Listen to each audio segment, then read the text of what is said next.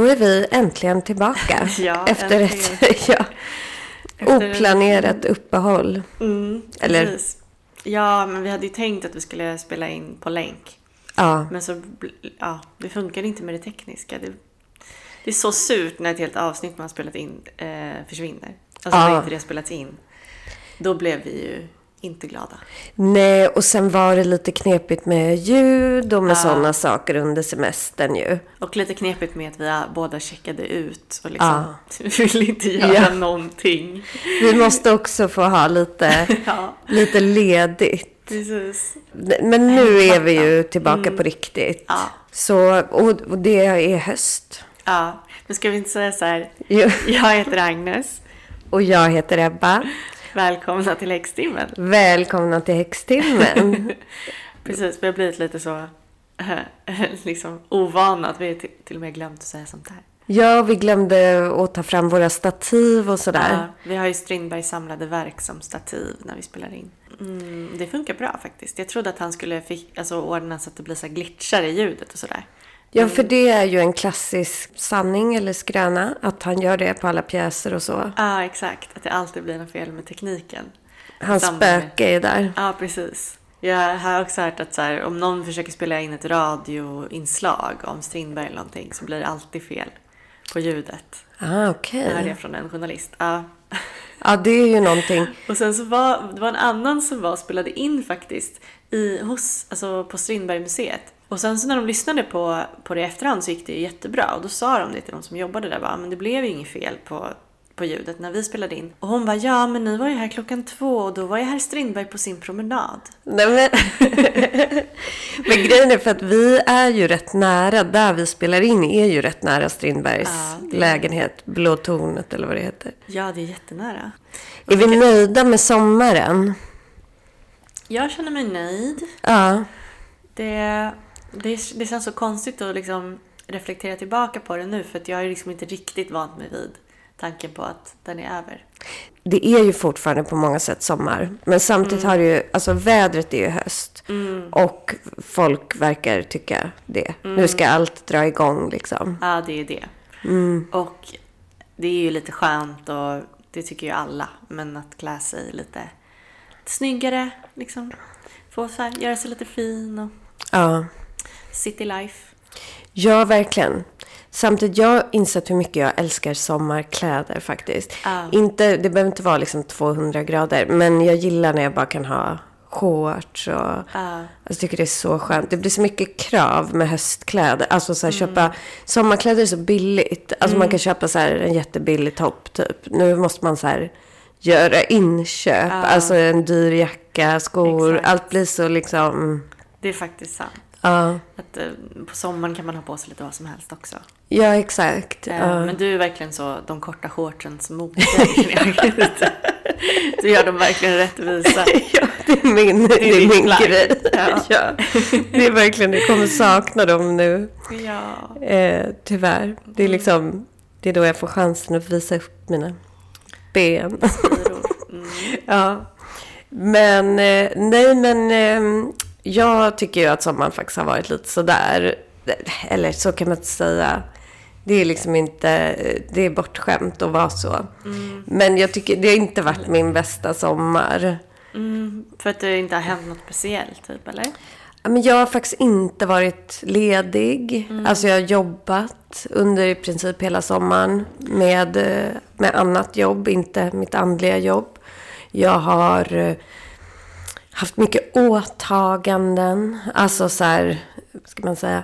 Alltså det har varit bra, men det blir ju inte riktigt semester när man har så här, ja men liksom familjeåtaganden och sådana här saker. Så att jag känner så här, under en väldigt kort tid hade jag, någon vecka hade jag då man så här vilar ut. Sen har det varit liksom rätt mycket, det har alltid varit något som ligger där och bubblar, eller typ skaver Ja. som du vet och som jag att måste du ska göra. göra, som du måste göra. Precis. Man ska inte ha några måsten på sommaren. Nej, det är ju det som är grejen. Att man vill ju bara få så här... Eller det är det jag vill göra på sommaren. är ju bara så här hänga, bada. Alltså ta det lugnt liksom. Jag, jag får i och för sig, jag får ett måste som känns som att man måste uppskatta sommaren när man är, när det är sommar. Och det, då får jag typ ångest. Mm. Det, det är väl typ det som Lana Del Reys låt handlar om. Summertime sadness. Mm. Typ att man inte kan ta in eh, sommaren så mycket som man skulle vilja. Typ att Ja. det nästan gör ont. Men det där är ju intressant med alltså, hur vädret påverkar känslor. För jag vet så här, om man typ blir dumpad eller blir sårad eller någonting och det typ är värsta regnvädret. Alltså det är ju underbart. Då kan folk vara så, nej det regnar, jag är ledsen. Men det är ju det man vill ha då. Det värsta som finns är ju, det är så här strålande solsken. Man vill bara ligga hemma och typ gråta. Alltså det är ju den värsta kombinationen. Verkligen. Men det kan jag faktiskt säga. Jag känner ganska pepp för hösten faktiskt. Ja. Saker vi ska göra med häxtimmen. Bara lite det här fräsch luft. Vara lite i, i vardag. Det kan också vara ganska skönt. Och det, som sagt, det kommer hända ganska mycket kul grejer den här hösten faktiskt. Ja. Som vi kommer absolut att återkomma till. Eh, Vi ska ju prata om månen idag. Ja. Ett av våra favoritavsnitt har vi hört från våra underbara lyssnare. Är ju det Mm. som vi hade om månen. Några av våra första avsnitt tror jag det var. Ja, det var det. Det var typ det tredje avsnittet vi spelade in. Handlade om månen och dess faser och hur man liksom utövar magi med månen. Och vi kommer ju prata om månfaser idag också, fast på ett lite annat sätt. För idag så kommer det handla om vad det gör med ens personlighet om man är beroende på vilken månfas man är född i kan man säga. Hur det påverkar det. Mm. Typ såhär månfasernas astrologi. Exakt, det är lite, exakt, det är som astrologi. Det påverkar en på samma sätt, ger ens personlighet vissa egenskaper. Och sen så sägs det ju också att det, man kan se lite av det här i karma, som vi har återkommit till många gånger. Alltså i numerologi, astrologi och sådär. Kan man även se med månfaser. Alltså om man till exempel är född i eh, nymåne så kanske man är ganska liksom ny själ. Eh, och samma sak då om man är född i mörkermåne som är den allra sista. Så är man en väldigt gammal själ som är på slutet av sin... ja, jag har ju en bekant som är... Så vi upptäckte var mörkermåne och vi bara ja, ja, exakt. det är, det Ja. är han. Och det är rätt kul, när, för jag har läst lite om det. Jag kommer ju berätta för dig och för lyssnarna. Och det stämmer ju ganska spot on in på oss i alla fall. Alltså på oss två, våra, Våra månfaser. Mm. Ja, vad roligt.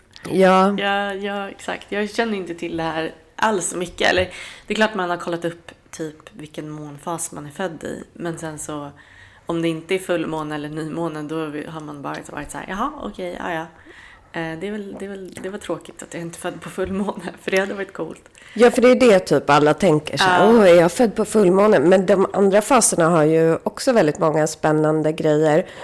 Alltså månen har ju spelat en väldigt stor roll i mitt liv. Framförallt sen kanske nio år tillbaka eller någonting. Då har jag varit väldigt noga med att följa månens olika faser för min egen utveckling. Också ett tag kommer jag ihåg att jag blev väldigt besatt av, när jag hade en relation som var lite knepig för några år sedan. Då var jag besatt av vilken fas månen var i när vi träffades. För jag kunde liksom se när jag gick tillbaka att när det var bra mellan oss, då var det alltid nymåne. Och när vi bråkade så var det alltid nedåtgående måne. Så jag blev liksom så här, vi måste bara ses i nymånen och sånt här.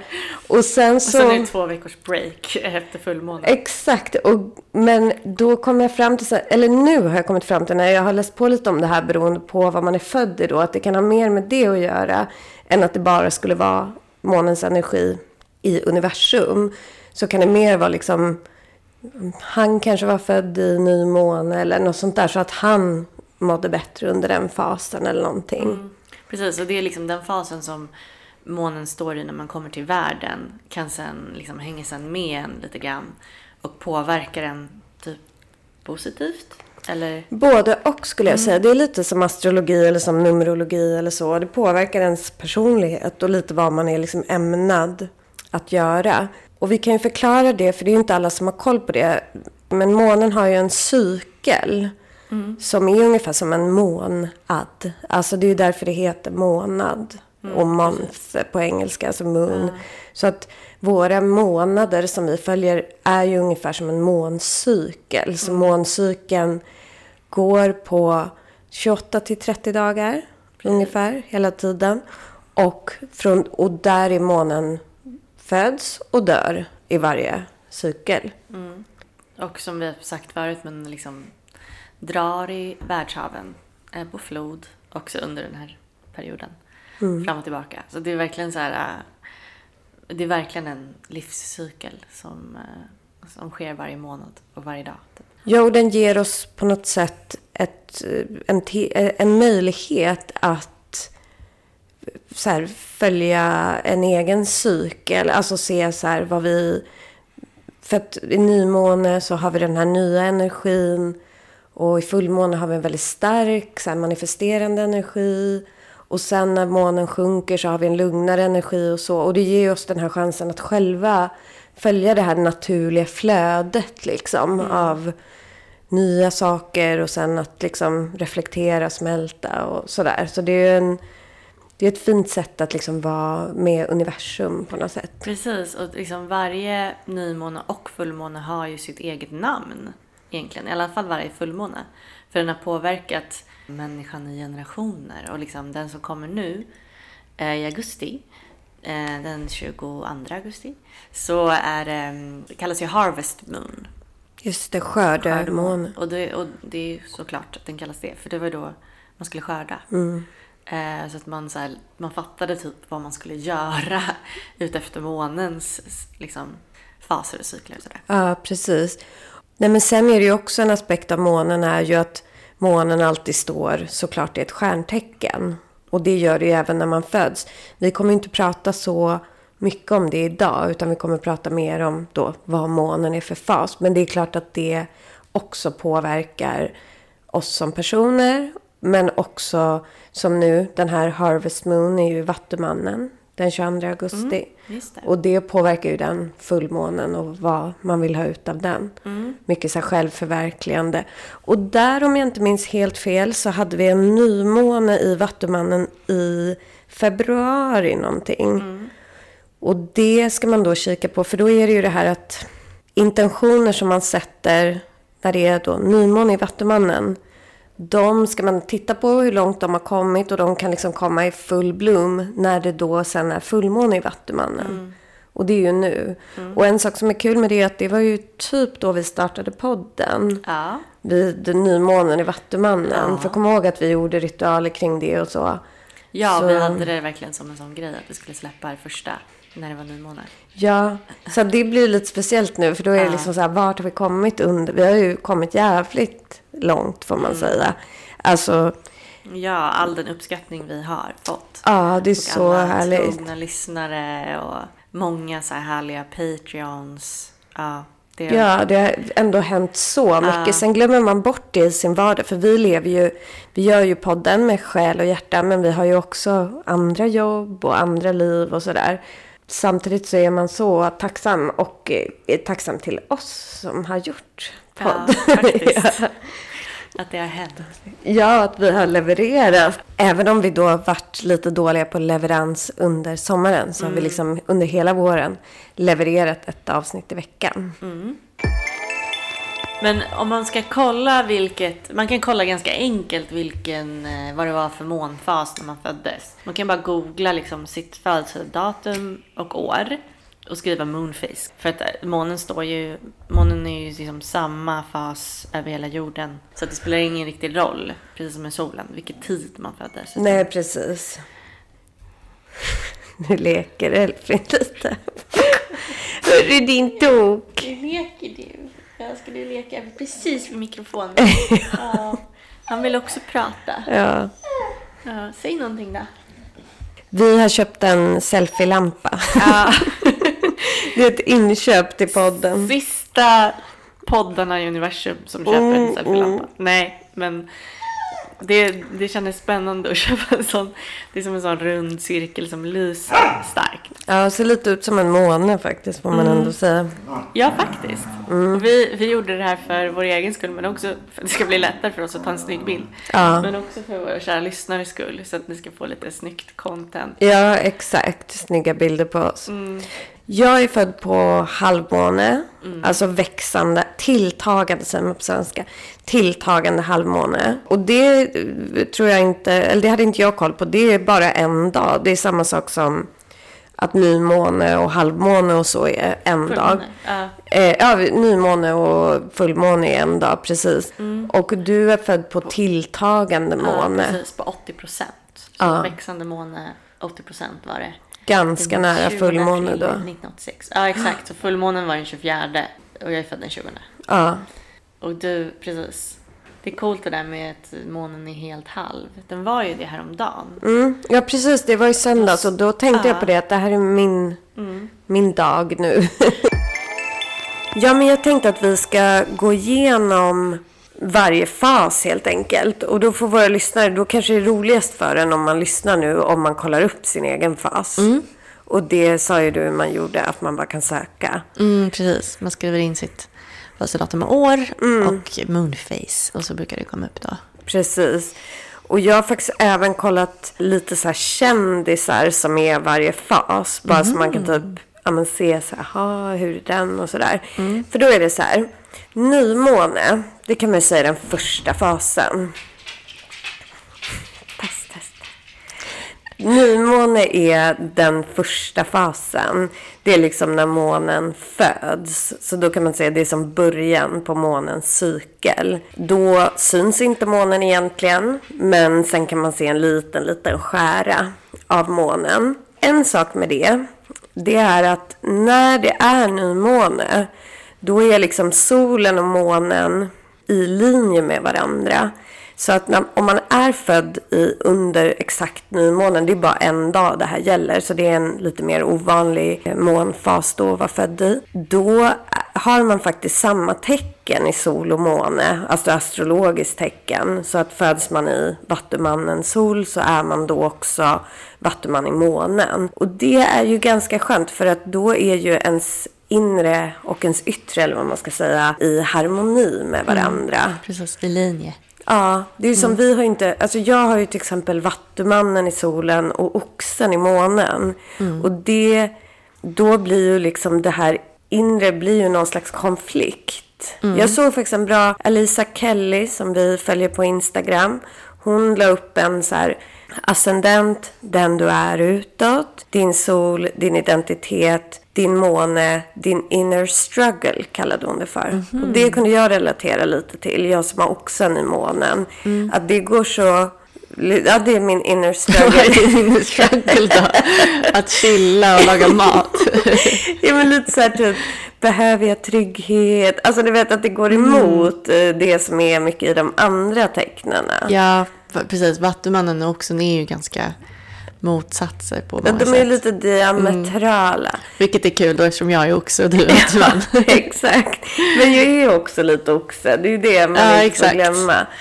Och det, så det, och det blir det gör ju så att vi ja, går ihop på, Ja, på ett bättre sätt än vad en, van, vad en vattumannen också borde göra. precis. Men för du har ju jungfru i måne, Mm. oxe i solen. Och det är ju två tecken som väl så här stämmer bra ihop, alltså i kompatibilitet. Men jag tänker att det kan väl vara lite din inner struggle, den här liksom inre kritiken eller sådär. Verkligen. Det är 100 procent. Och vi har ju vår, vår kompis också, Sofia Dalén, som, som eh, ska vara med i podden. Hon har ju solen i jungfrun, så det är det som är lite kul när vi, när vi umgås. Att så här, eh, månen i oxen, solen i oxen, månen i jungfrun, solen i jungfrun. Och sen var det någonting med att Men hade inte hon månen i Vattumannen? Jag tror det. Precis, så att det liksom, vi är en cirkel. Ja. Och vi tre har ju alltid kommit, alltså vi tre har ju hängt, vi har kommit jättebra överens. Liksom, vi är en så här bra trio. Precis, det är faktiskt en grej vi kommer fram till i ett Patreon-avsnitt med Sofia som inte vi har släppt än. Där vi pratar om astrologi. Och att vi just har den här grejen. Alltså vi speglar varandras tecken på något Precis, sätt. och vad det innebär. Men det ska vi släppa snart på Patreon. Ja, exakt. Ja, men är man då född under den här fasen, då är det alltså så, det här är en dag. Nymånen. Ja, när månen blir ny, en ny måncykel sätts igång. Då är det dels det här då, att man har sol och måne i samma tecken. Sen så är det så att nymånebarn, kallar vi dem. Det är alla ni som är födda då på nymåne. De har en väldigt spontan energi. De älskar att testa just nya saker. Man tänker att månen, den här energin av att liksom eh, testa nya saker, se nya platser, hoppa på nya trender och så här. De får med sig den energin av månen. Så de, de uppfattas ofta som personer som har så här mycket idéer, mycket vitalitet. De får med sig den här liksom nya energin. För det är ju det som är under nymåne. Alla har ju under nymåne liksom chansen att sätta nya planer, börja på nytt och sådär.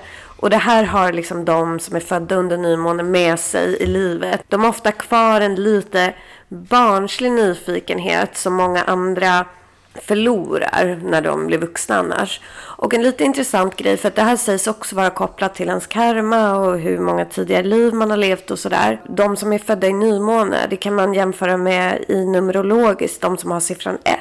Eller med väduren eller så. Alltså de som är nya själar helt enkelt. Jag upptäckte, för jag spenderade ju en och en halv vecka ungefär med min brorson i somras. Han är en väldigt stark personlighet. Jag kollade hans astrologi, han är bara sex år.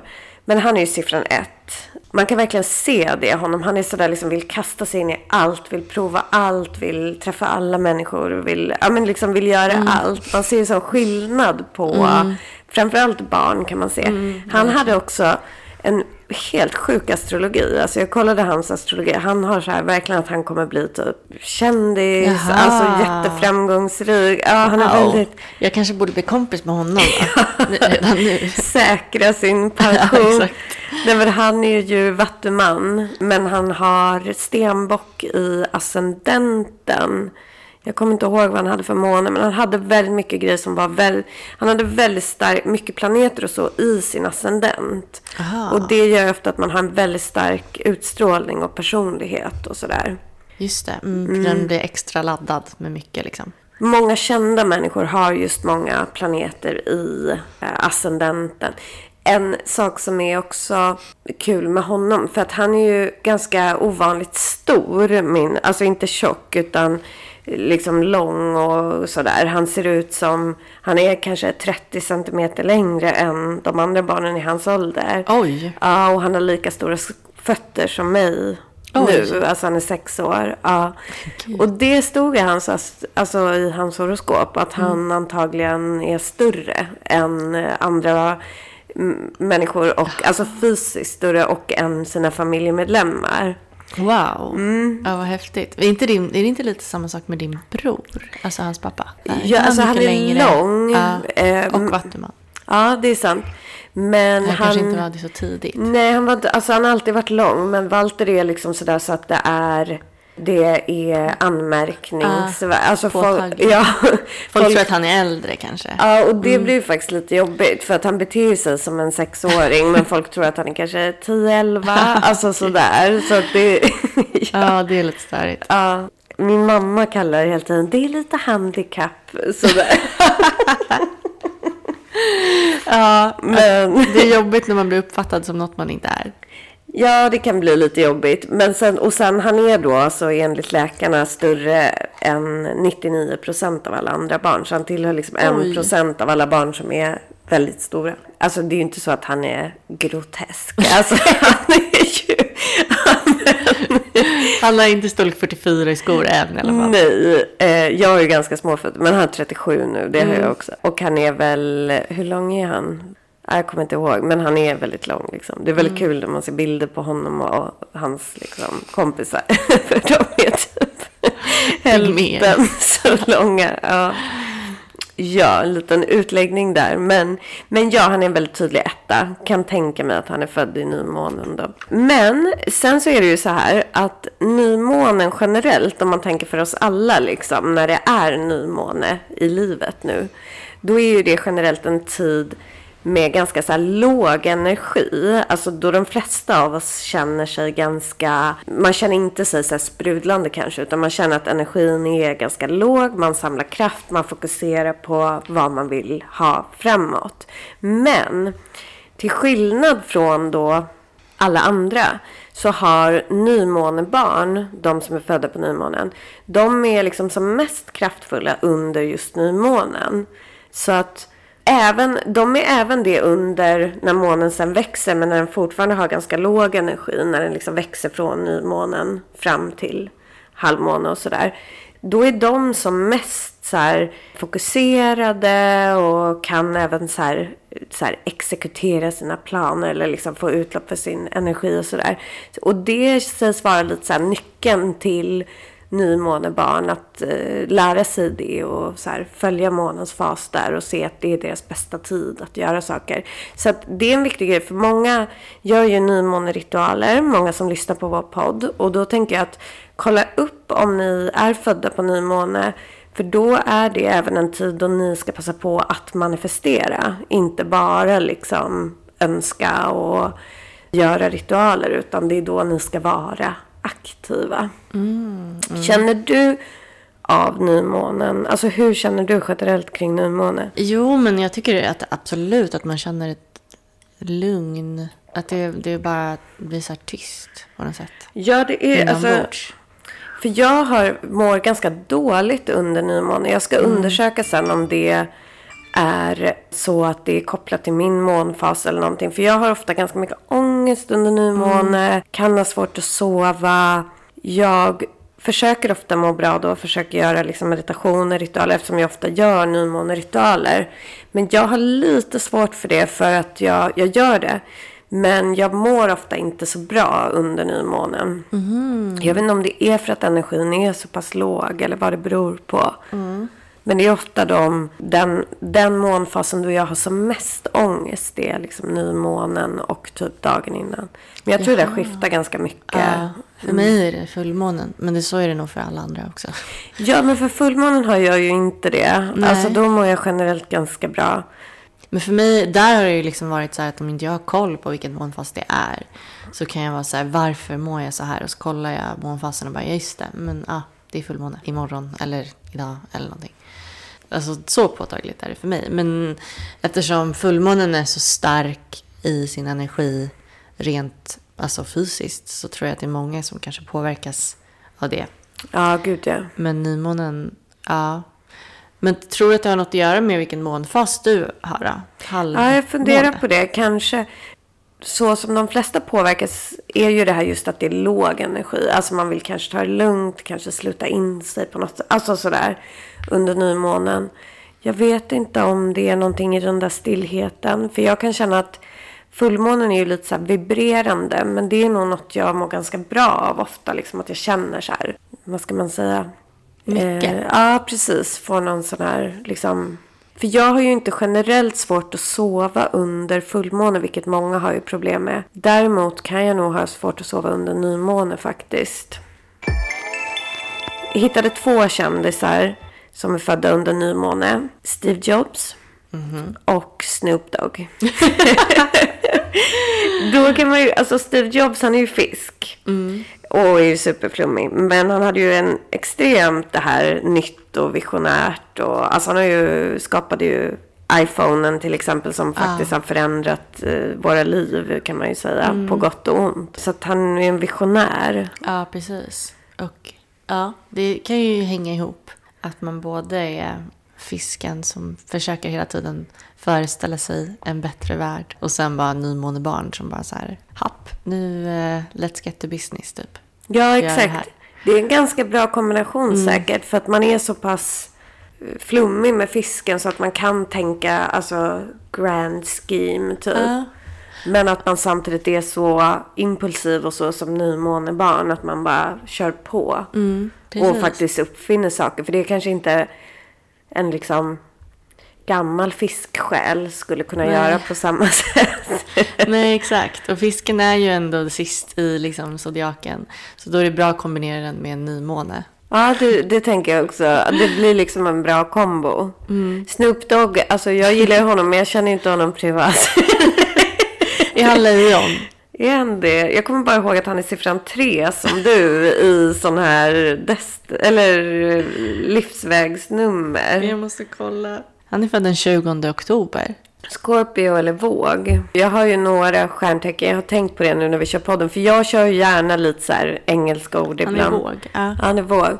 Men just Scorpio Aquarius. Det är Ja. de jag kör på engelska. Jag säger ju inte Pisces liksom. Nej, Men jag gillar precis. att säga Scorpio istället för skorpion. Och så gillar jag Ja. att säga Aquarius istället för Men Det är verkligen stor skillnad mellan vattuman och Aquarius, alltså som ord. Ja. Det betyder så olika saker. Ja, men jag som. tycker också det är jobbigt typ på Tinder. För jag frågar ju ofta så här, killar Mm. som jag pratar med vad de är för stjärntecken. Och då när de frågar vad är du då? Då vill inte jag skriva, alltså det här är ju töntigt. Men då, vattu, man. Alltså det känns så himla osexigt. Så då skriver jag Aquarius. Ja. men det har ju en sexig klang. Ja, det låter lite så här vattendjur typ. Plus det där, den här låten känner ju alla till. Darling of the Age of Ja, exakt. Men även om man inte känner till astrologi så känner man till den låten. Jag undrar om man skulle döpa om vattuman. Alltså vad det skulle kunna vara på svenska. Akvarisk. Akvariet. Aqua- Aqua, aquaman. Men det är ju Aquaperson. Aquahent. Det- Precis, Mm. vattuperson. Folk får, jag vet inte om någon stör sig på det. Men om man gör det så, jag vet att jag säger Scorpio och Aquarius. Men jag kommer fortsätta göra det. Scorpio, det är med, med Drakes album att göra. Ja, men jag tycker det låter lite så här coolt liksom. Ja. Det, Ja, exakt. Skorpion är ju faktiskt ett djur. Ja. Eller det är, liksom, det Ja. är väl oxe också. Men i och för sig. Oxe låter ju inte toppen. Alltså jag skulle Nej. egentligen hellre säga Taurus. Men det känns också lite så här, då vet typ folk inte vad man säger.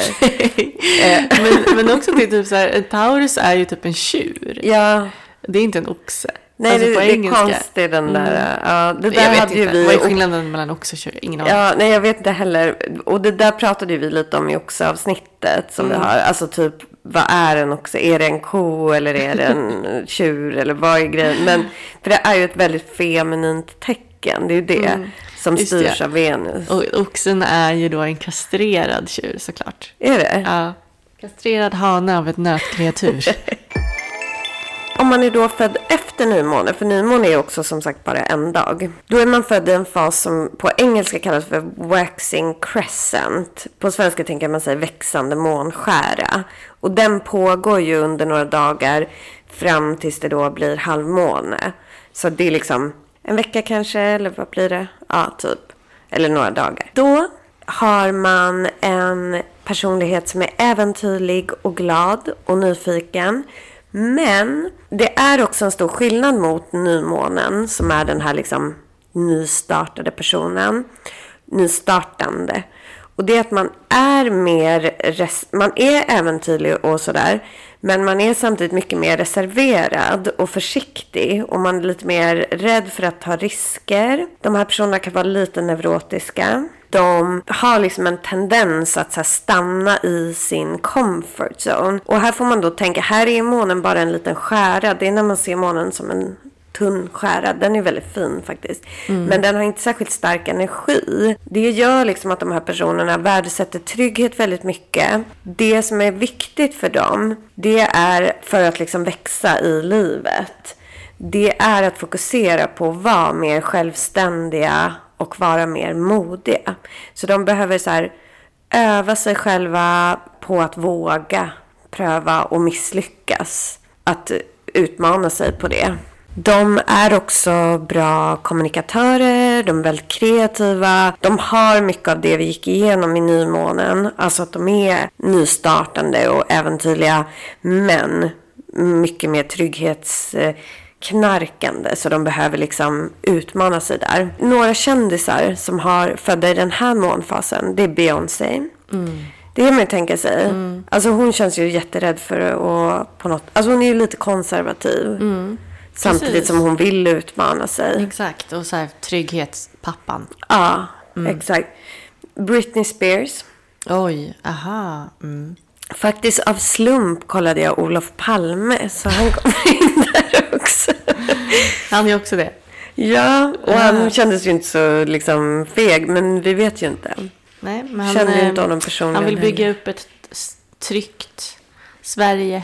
Mm. Ja, och grejen är, det man måste tänka när vi går igenom så här, det är ju så här, ja det här ger dig vissa egenskaper, men man är ju fortfarande väldigt mycket annat. Olof Palme var ju också vattuman som gav honom, kanske gjorde att han vågade utmana sig själv mer och sådär.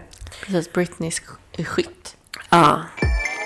Sen kommer vi faktiskt till min månfas. Och det är halvmåne som är då tilltagande. Alltså det är när månen är på väg upp mot fullmånen men är en halvmåne. Och en lustig sak som jag läste som inte har något med, eh, alltså det var inget egentligen spirituellt med det men statistiskt så är det den eh, sällsyntaste månfasen att vara född i. Har man mätt 2019. Oj. Jag vet inte varför det är så. De flesta, enligt den här då, är födda på nedåtgående måne. Det är den vanligaste månfasen att vara född i. Och eh, att vara född på tilltagande halvmåne är ovanligast då. Och det är också bara en dag som nymånen. Hur är det med mm, fullmånen och nymånen? Vet du det? Inte statistiskt. Det stod bara de två. Liksom, det här är den mest och det här är den Ah, okej. minst som barn är födda på. Ja. Häftigt. Alltså, jag kan tänka mig att många vill ha barn på typ fullmånen. Så att de så här typ krystar. Eller om man har De kejsarsnitt. bestämmer sig för det. Det här Ja. kanske inte lika många som tänker på. Men sen så är det ju någonting med ägglossningen och sånt där också som kanske påverkar. Att typ det är många kvinnor som har, får sin mens på mm, fullmånen. Det vill säga de har sin ägglossning på nymånen. Det är Ja, ganska exakt. vanligt. Ja. Då, det påverkar kanske också när man, när man föder. Ja, det kan ju verkligen vara sådana grejer. Ja. Men det här är då också under en dag och det är när månen alltså är exakt 50% full, alltså halv. Det här tyckte jag var roligt, för det här är då jag, eller min månfas. Och det här är rebellen. Den här personen är en rebell i hjärtat. De kan uppfattas som så animerade, optimistiska, vägrar acceptera saker som man inte håller med om och liksom kör på med sin grej. Väldigt starka känslor, ibland nästan för så här in tune med sina känslor så att det kan leda till problem. Det har ju jag också, lite för stark liksom, eh. Eh, ja. De är till för att så här, skapa förändringar i samhället och i, alltså, bland människor runt omkring. Eh, det de behöver jobba på, eller jag då, det är att eh, ta emot andras liksom, åsikter och alltså inte bara sådär nej det ska vara så här och så. Och det här tyckte jag lät lite som Vattumannen. Ja, jag tänkte precis säga det. Det är i kombination med att vara vattuman. Ja, för det är ju liksom, rebell har ju alltid lite varit mitt trademark. ja. Så jag blev lite sådär hajad till när jag läste det här. Sen finns det även med i den här fasen att det finns en potential för martyrskap med den här placeringen. Jaha. Alltså att man är lite den här liksom, eh, tänk såhär Jeanne d'Arc typ. Alltså du vet såhär, ska... Ja. Man ska offra för sig för liksom, the greater. Sen en annan sak jag läste om den här fasen, och det här är ju för att jag själv är den här så reagerar man ju på grejer. För att det står att folk som är födda med den här fasen har en så inbyggd reaktion att kunna agera i nödsituationer. Jaha. Alltså du vet om det wow. typ börjar brinna så är de så här level-headed. Och grejen är, det är faktiskt en grej som jag, jag har inte varit jättemycket så här nödsituationer. Men i, när sådana situationer har dykt upp, alltså att jag har sett ett slagsmål eller sådana här grejer. Då har jag liksom alltid kastat mig in i de här situationerna. Och verkligen varit, för, för folk Försökt stoppa alltså. Ja, exakt. Folk pratar ju ofta så här, vad gör du om man är en sån där som bara fryser? Ja. Eller om man är en sån där som eh, reagerar eller man är en sån som går iväg. Alltså sådär, det finns olika sätt att reagera. Och jag har i alla sådana situationer jag har ställts inför så har jag liksom så verkligen agerat. Och det ska vara typiskt för den här månfasen, att man liksom har det inbyggt i sig. Och sen står det så här, och det här var kul för det här läste du, kommer jag ihåg, när vi gjorde vårt astrologiavsnitt så sa du det här om Vattumannen. För det står så här, det här är pionjär, pionjärerna, trailblazers. Det sa ju du om. Hero and the heroine. Så det här är liksom folk som så här kör på. Alltså jag känner mig inte som en så här heroine. Men däremot kan jag se att jag kan vara lite så här, ja men så här change agent sådär. Och typ rebell och liksom. Alltså jag kan känna igen mig i den här. Ja, det och din oxmåne som håller tillbaka dig. Mm, som håller ut min inre konflikt. ja. Exakt. Men en intressant sak här också då som man kan titta på. Det är att för personer som har den här månplaceringen så är medelåldern den liksom åldern då man blir förlöst. Typ. Och särskilt då när man är mellan typ 30 och 40, 30, alltså 30 till 40 till 50 ungefär. Det är då man liksom verkligen kommer igång. Och det är då man blir liksom ostoppbar. Så det är ju intressant. Ja, men det känns ju som att det stämmer. Ja, det tycker Det jag. liksom, Kändisar vi hittar här. Nelson Mandela, Aretha Franklin och Rita Ora. oj, Det är de jag har hittat. Det finns säkert massa fler. Ja, men det är ju... Nelson är bra. ja, gud Rita ja. är bra också. Verkligen. Alla de är ju bra. Ja, En till var Natalie Portman. Men jag vet inte. Alltså jag gillar henne sådär. Men jag tycker hon är rätt trist. Ja, hon är lite trist. Jag har så jäkla svårt att relatera till henne. Mm. För det var något annat som kom upp någon gång när vi gjorde så här. Typ att ah, hon är också. Det kanske var life pat number eller något sånt där. Ja, jag bara kände så här. Jag kan inte relatera till henne på något sätt. Nej. Att vara en så här jätte typ sval, eh, vacker kvinna. Alltså det känns så Ja. långt ifrån. Precis, och hon känns så himla, ehm, ja, verkligen sval och ytlig på något sätt. Ja exakt. Men hon kanske inte är det. Hon kanske är jätte. Hon kanske inte är så egentligen. Jag får, jag får lite så här Keira Knightley, Exakt. Mm. likadan. Fast, fast Natalie Portman känns lite mysigare. Jag gillar ju Natalie Portman mer Ja. än Keira. Det är någon genomgående grej. Att alla killar älskar Keira Knightley Mm. och alla tjejer är typ så här väldigt skeptiska. Alla killar älskar också Natalie Portman. Ja, ja, det är också.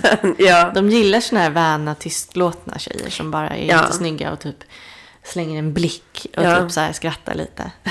Var inte Edith Södergran som skrev Du sökte en blomma och fann en själ. Du är besviken.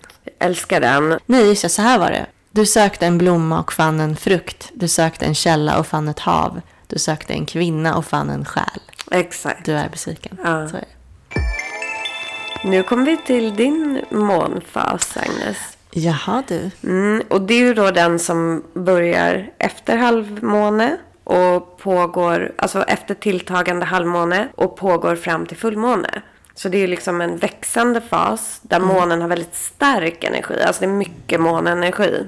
Och det här tycker jag är så kul för det här har ju vi pratat mycket om. Alltså i podden. den här i din aura, i ditt livsvägsnummer och så.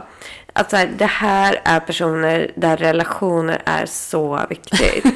och de uppfattas ofta som omhändertagande. De har något lugn över sig samtidigt. Eller de behöver inte vara så lugna i sig. Men de skapar ett lugn för andra människor liksom. Det som är då i prio är liksom mänskliga relationer och sådär. Ni är bra alltså på att guida andra människor i bra riktningar. Du bryr dig om andra människor ibland mer än vad du bryr dig om dig själv. Du vill liksom förändra världen och förändra för andra människor. Oavsett om du är medveten eller ej om det här så är ditt uppdrag i livet att hjälpa världen på något sätt. Så du ska liksom göra världen till en bättre plats. Ja, gulligt. Problemet här som kommer in, för alla har ju liksom några svårigheter, det är att du är perfektionist. Men inte ut emot andra människor, utan riktat in emot dig själv. Så att du kan hjälpa andra att så här, du behöver inte vara perfekt eller du behöver inte så här. Men mot dig själv så är du perfektionist. Och det behöver du jobba med. Alltså du är ofta väldigt snäll mot andra. Alltså det här är enligt din månfas, inte som jag säger till dig nu. Men eh, kan vara väldigt hård mot sig själv. Alltså att perfektionismen liksom vänds inåt. Mm. Och så har jag en jungfru måne på det. Det är ju lite lustigt. De där, där det är bara perfektionism och andra människor som gäller. Ja. Ja, nej men gud. Jag är ju, jag, jag har ju, du vet den här um, klassikern typ. Eh, som känns som en klassisk fråga som folk ställer, jag vet inte, i olika talkshows eller någonting. Bara, Om du fick prata med ditt yngre jag, vad skulle du säga? Och, då, och jag tänkte faktiskt på det, för att jag såg någon som hade fått den frågan typ häromdagen. På typ Burberrys Instagram eller någonting. Och eh, då tänkte jag så här, men gud, jag skulle sagt till mig själv så här, att bara gör saker, typ bry dig inte om eh, hur- det blir. Typ gör någonting. För det, det har jag, så har jag varit, att jag har heller inte gjort någonting alls. Än att göra det halvbra. Ja. Så det, och det, det, det finns ju ingenting positivt i det. Nej, men det där är intressant för att jag har tänkt på det nu när du säger det. Att ibland hade jag nog sagt åt mig själv att så här, gör inte. alltså typ ta det lite lugnt, så här, ta ansvar, alltså sådär. Ja. Men samtidigt så är det, det är väl någon medelväg däremellan. Ja, exakt. Och sen tycker jag du ska ta till det att så här, du ska, för du har ju mycket ändå så här sociala frågor som du engagerar dig i. Att det är lite ditt kall i livet också. Att skapa alltså bättre värld. Ja, exakt. Det har ju varit en besatthet sedan jag var liten. 100 procent. För dig är också medelåldern då du liksom kommer till full bloom. Och det är ju, alltså när de säger medelåldern här så är det ju 30, 40, 50. Alltså så, så det är ju där vi är nu. Och det tycker jag man kan tänka kring dig också. Ja, verkligen. 100 procent. Det har jag också tänkt på själv. Att bara, gud, vem var man ens innan man fyllt 30? Man var, ingen, man var inte en person. Så är det så många som har ångest för att fylla 30 och man bara, men alltså gubben, du vet inte ens vad som ska komma. Alltså så här, du, kommer, du kommer ångra att du inte fyller 30 tidigare. Alltså typ så. Det har jag sagt till flera som är så här, åh jag börjar bli så gammal, jag är 27 typ. Man bara, alltså livet blir så mycket bättre efter 30. Det är typ då, ja det är då man liksom börjar. Men det kanske är för att vi är den här månfasen, jag vet inte. Jag har tänkt att det är så för alla, men det är så kanske inte är. Det kanske är för att vi kommer till vår rätt liksom när vi. Ja, det är sant. Kanske. Men nej, för jag, jag tycker verkligen det. Att det är då man blir, och det behöver inte vara att yttre omständigheter är bättre. Men man blir mycket tryggare i sig själv och mår bättre. Exakt. Typ snyggare. Alltså, för det är ju absolut. många så här panik. Bara, Åh nej, jag kommer se gammal ut. Bara, nej. Nej. Man ser typ mycket bättre. Jag ser mycket bättre ut nu än vad jag gjorde när jag var 25. Liksom. Ja, samma här. Verkligen. Och typ alla i stort sett gör det. kändisar som... Det var lite konstiga kändisar. För jag hittade... Det var rätt svårt. Jag hann inte sitta och liksom googla upp eh, sådär. Så att jag fick ta dem som en sajt hade listat. Och här var det då Hillary Clinton, Jaså du? Arnold Schwarzenegger. Ja, inte. båda de två gick typ bättre för liksom ålderns ja. senare ålder. Jo, att de båda är ju ändå... För Arnold, Mm. han hade ju kunnat bara fortsätta vara bodybuilder och eh, skådis. Ja, Ja, han är ju ändå verkligen då... Mm. Alltså på sitt sätt, det han tycker är bra, så har han ju verkligen engagerat sig då Mm. politiskt och liksom Precis. levt i det istället. Ja. Sen är även Jack Nicholson här. Jag vet inte vad man ska säga om honom. jag vet inte hur hans... Hur hans Toppen skådis. måste Ja, han är jättebra. Men jag vet liksom inte hur hans liv har varit. jag, jag, har svårt att föreställa mig honom ung. Han är, Ja. han är liksom eh, gammal för mig jämt. Alltså sen han blev eh, känd, Mm. känns det som. Så det kanske går ihop med det. Han är väl inte han oxe också som du? Ja, Mm. det är han.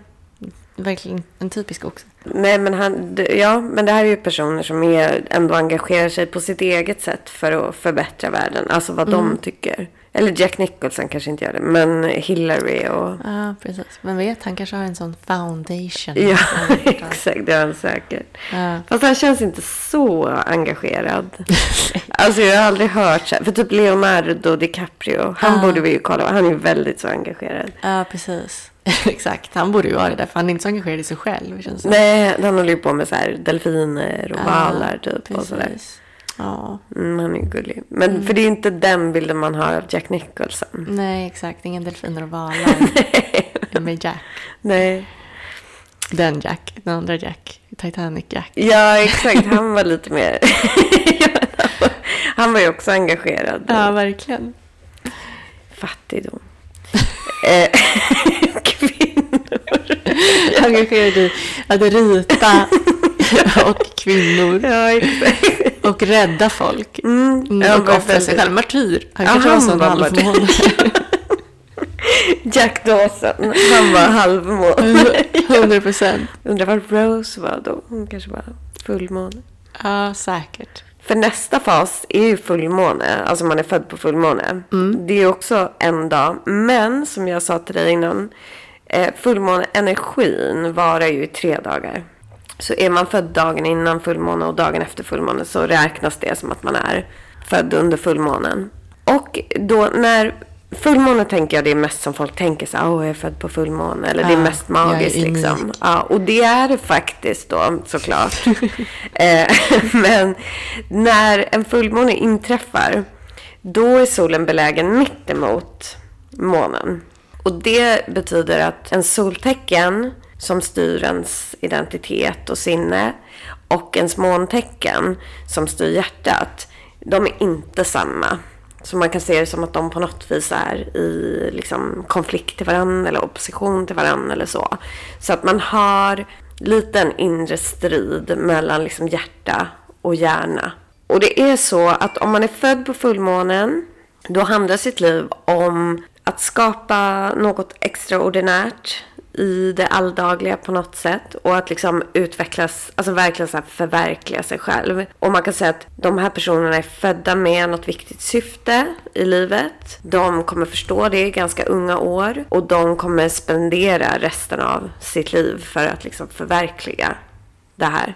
Och vad det är är ju svårt att säga. Det är väl upp till olika individer. De är också de är väldigt känsliga personer. Intuitiva, empatiska och så här extremt medvetna om sina känslor. Det är som att de ofta går igenom så här perioder där de liksom rensar ur och förnyar sig och så. här. Och det tjänar liksom deras syfte på något sätt.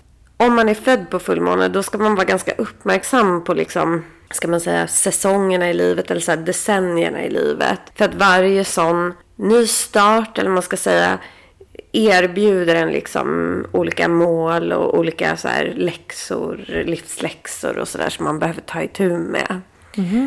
De har väl ett ganska speciell personlighet och där kan man ju tänka att fullmånen är ju där det är jättestark energi, alltså då energin vibrerar liksom i världen. Så det är klart att det blir speciellt att födas då. Verkligen. Det finns ju växter som bara blommar under fullmånen. Sådär. Haven kokar. Precis, haven kokar. Och man lägger ju märke till att det är fullmåne. Ja, och det blir ju en väldigt speciell energi. Mm. Så det måste ju ha påverkat också mamman. Alltså ens mamman som föder barn under fullmåne. Alltså hon jag träffade i somras på landet som jag berättade om. Som eh, också var häxa och gör mycket, jobbar mycket med månen. Hon jobbar eller ägnar sig bland annat åt mycket så här månarbete kopplat till graviditet. Och hon har ju två döttrar. Och båda är födda på fullmåne. Det är lite häftigt. Oj, Och wow. hon sa att det kan ju vara för att hon har jobbat så mycket med månen så att det har blivit så. Att hon är så aligned. Ja, aligned. exakt. Ja. Ja. Häftigt. Kändisar som är födda på fullmånen som jag hittade, det är bland annat Michael Jackson. Kanske inte liksom det man tänker yes, men han hade ju ändå något speciellt syfte. Ja, han har ändå förändrat musikhistorien Ja. för all framtid. Även Musik skulle inte funnits om inte Michael Jackson. Ja, nej men, men man kanske inte liksom önskar att man ska... Dela öde med Michael Nej, och liksom hela hans liv. Eh, Tina Turner, hon är lite roligare. Jackson. Hon är cool. Ja, David Bowie, han är ju också Oj. cool. Ja, är Coco Chanel. Ja, det är sjuk, sjuk skara som är Ja. på fullmånen. Faktiskt. David Bowie känns ju, han känns ju fullmånig. Liksom. 100%. Och det finns säkert massa fler. Som sagt, det här är ett axplock som jag hittade på en sajt. Alltså som redan hade kollat. För det är ju rätt svårt att kolla. Alltså jag sökte så här kändisar som är födda på olika månfaser. Så kom det upp så en sajt som hade listat lite. Men för att det är rätt, alltså man ska kolla. Då måste man ju så kolla varje person så här. Ja, vilken fas är den född i? Så, där. så det tar ju, tar det kräver ju lite tid. Ja. Efter fullmånen så börjar ju månen avta. Ja, precis. Nedåtgående. På engelska säger man waning gibbous när den går från fullmåne nedåt. Vi kallar det för typ avtagande fullmåne. Och den här första fasen efter fullmånen, det är ju då mellan att månen är full och månen är halv på nedåtgående. Personer som är födda med den här avtagande fullmånen. De verkar ofta vara lite som så här gamla själar. Alltså de är väldigt bra på att analysera saker, lära sig av erfarenheter. De kan verka som att de är liksom kloka. Kan vara lite så här lillgamla kanske eller verka äldre än vad de är. Det, det här gör också som att de är väldigt bra lärare, kommunikatörer, de kan vara ganska konstnärliga. Och en sak med dem är att de hittar oftast inte liksom lyckan förrän de är lite äldre. Alltså senare än medelåldern som vi hade. Utan det är mer på ålderns... Eh... Ålderns sommar. Ja. Deppigt. När börjar ens ålderns höst? Jag vet inte. Jag höll på att säga den förut om typ när man var 50. Men det kan inte vara. Det måste ju vara Det är väl typ 80. Ja, Ja. Men alltså... så länge behöver de väl inte vänta. Nej, man kan säkert vara jättelycklig innan dess. Men det kan ju vara skönt. Man kan tänka istället att här, jag kommer vara jävligt nöjd när jag är gammal. Men jag är lycklig nu också. Ja, exakt. Keeps getting better. En sorglig sak då är att till exempel prinsessan Diana är född i det här. För hon blev ju aldrig Gammal. gammal. Nej, så hon fick aldrig liksom uppleva det här lugnet så. Men andra personer som är födda i det här, det är Winston Churchill. Han blev gammal. Eh, George Clooney. Han tycker jag känns så här gammal. Alltså gammal själ. Verkligen. Moder Teresa också. Det gick ju bra för henne på ålderns höst måste jag säga. Hon pikade. Ja, exakt. Liksom, 70 plus. ja. Sen blir månen halv igen. Fast på nedåtgående halvmåne. Och det här är personer som är väldigt... In... det- Det här är ju också under en dag bara. Och det är andra halvan av månen som man ser då. Ja, Jämfört precis. med den andra halvan. Ja, exakt. Ja, exakt. Ja, precis. Den går ju så som en, liksom. Men det här är personer som... Det, det var lite lustig beskrivning när jag läste om det förstås. Som verkar lite långsamma. Jaha. Men jag tänker att det är mer... Alltså de kan vara lite mer så... Alltså inte långsamma, men kanske inte den som kommer in och typ står och pratar jättehögt i ett rum och så. Utan de är lite mer liksom chillade. Lite sentimentala, kan bli väldigt djupt fästa vid saker, människor, platser. De är väldigt intuitiva. De har mycket så här egna teorier om saker. Och kan ha väldigt starka åsikter. Mycket det här så här komma med egna teorier. Konspirations...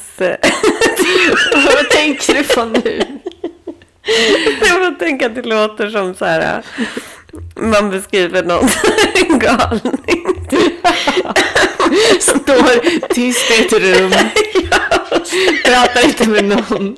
Har sina egna teorier om världen. Ja, men det står så här, du avvisar vanliga åsikter. Oj. Ja, men de är ofta väldigt skickliga på det de gör, alltså det de väljer att göra. Eh, väldigt Seriemord.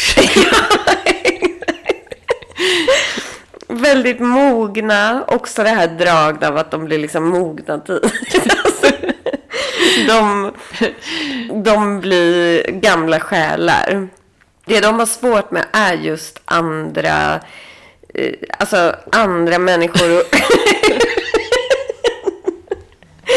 att de inte vill låta andra människor styra dem. Alltså andra människors åsikter och sådär. De vill liksom Ja. gå sin egen väg. Blir rätt kränkta kanske. Ja, exakt. Och liksom de, så här, de, de ska tänka i helt egna banor.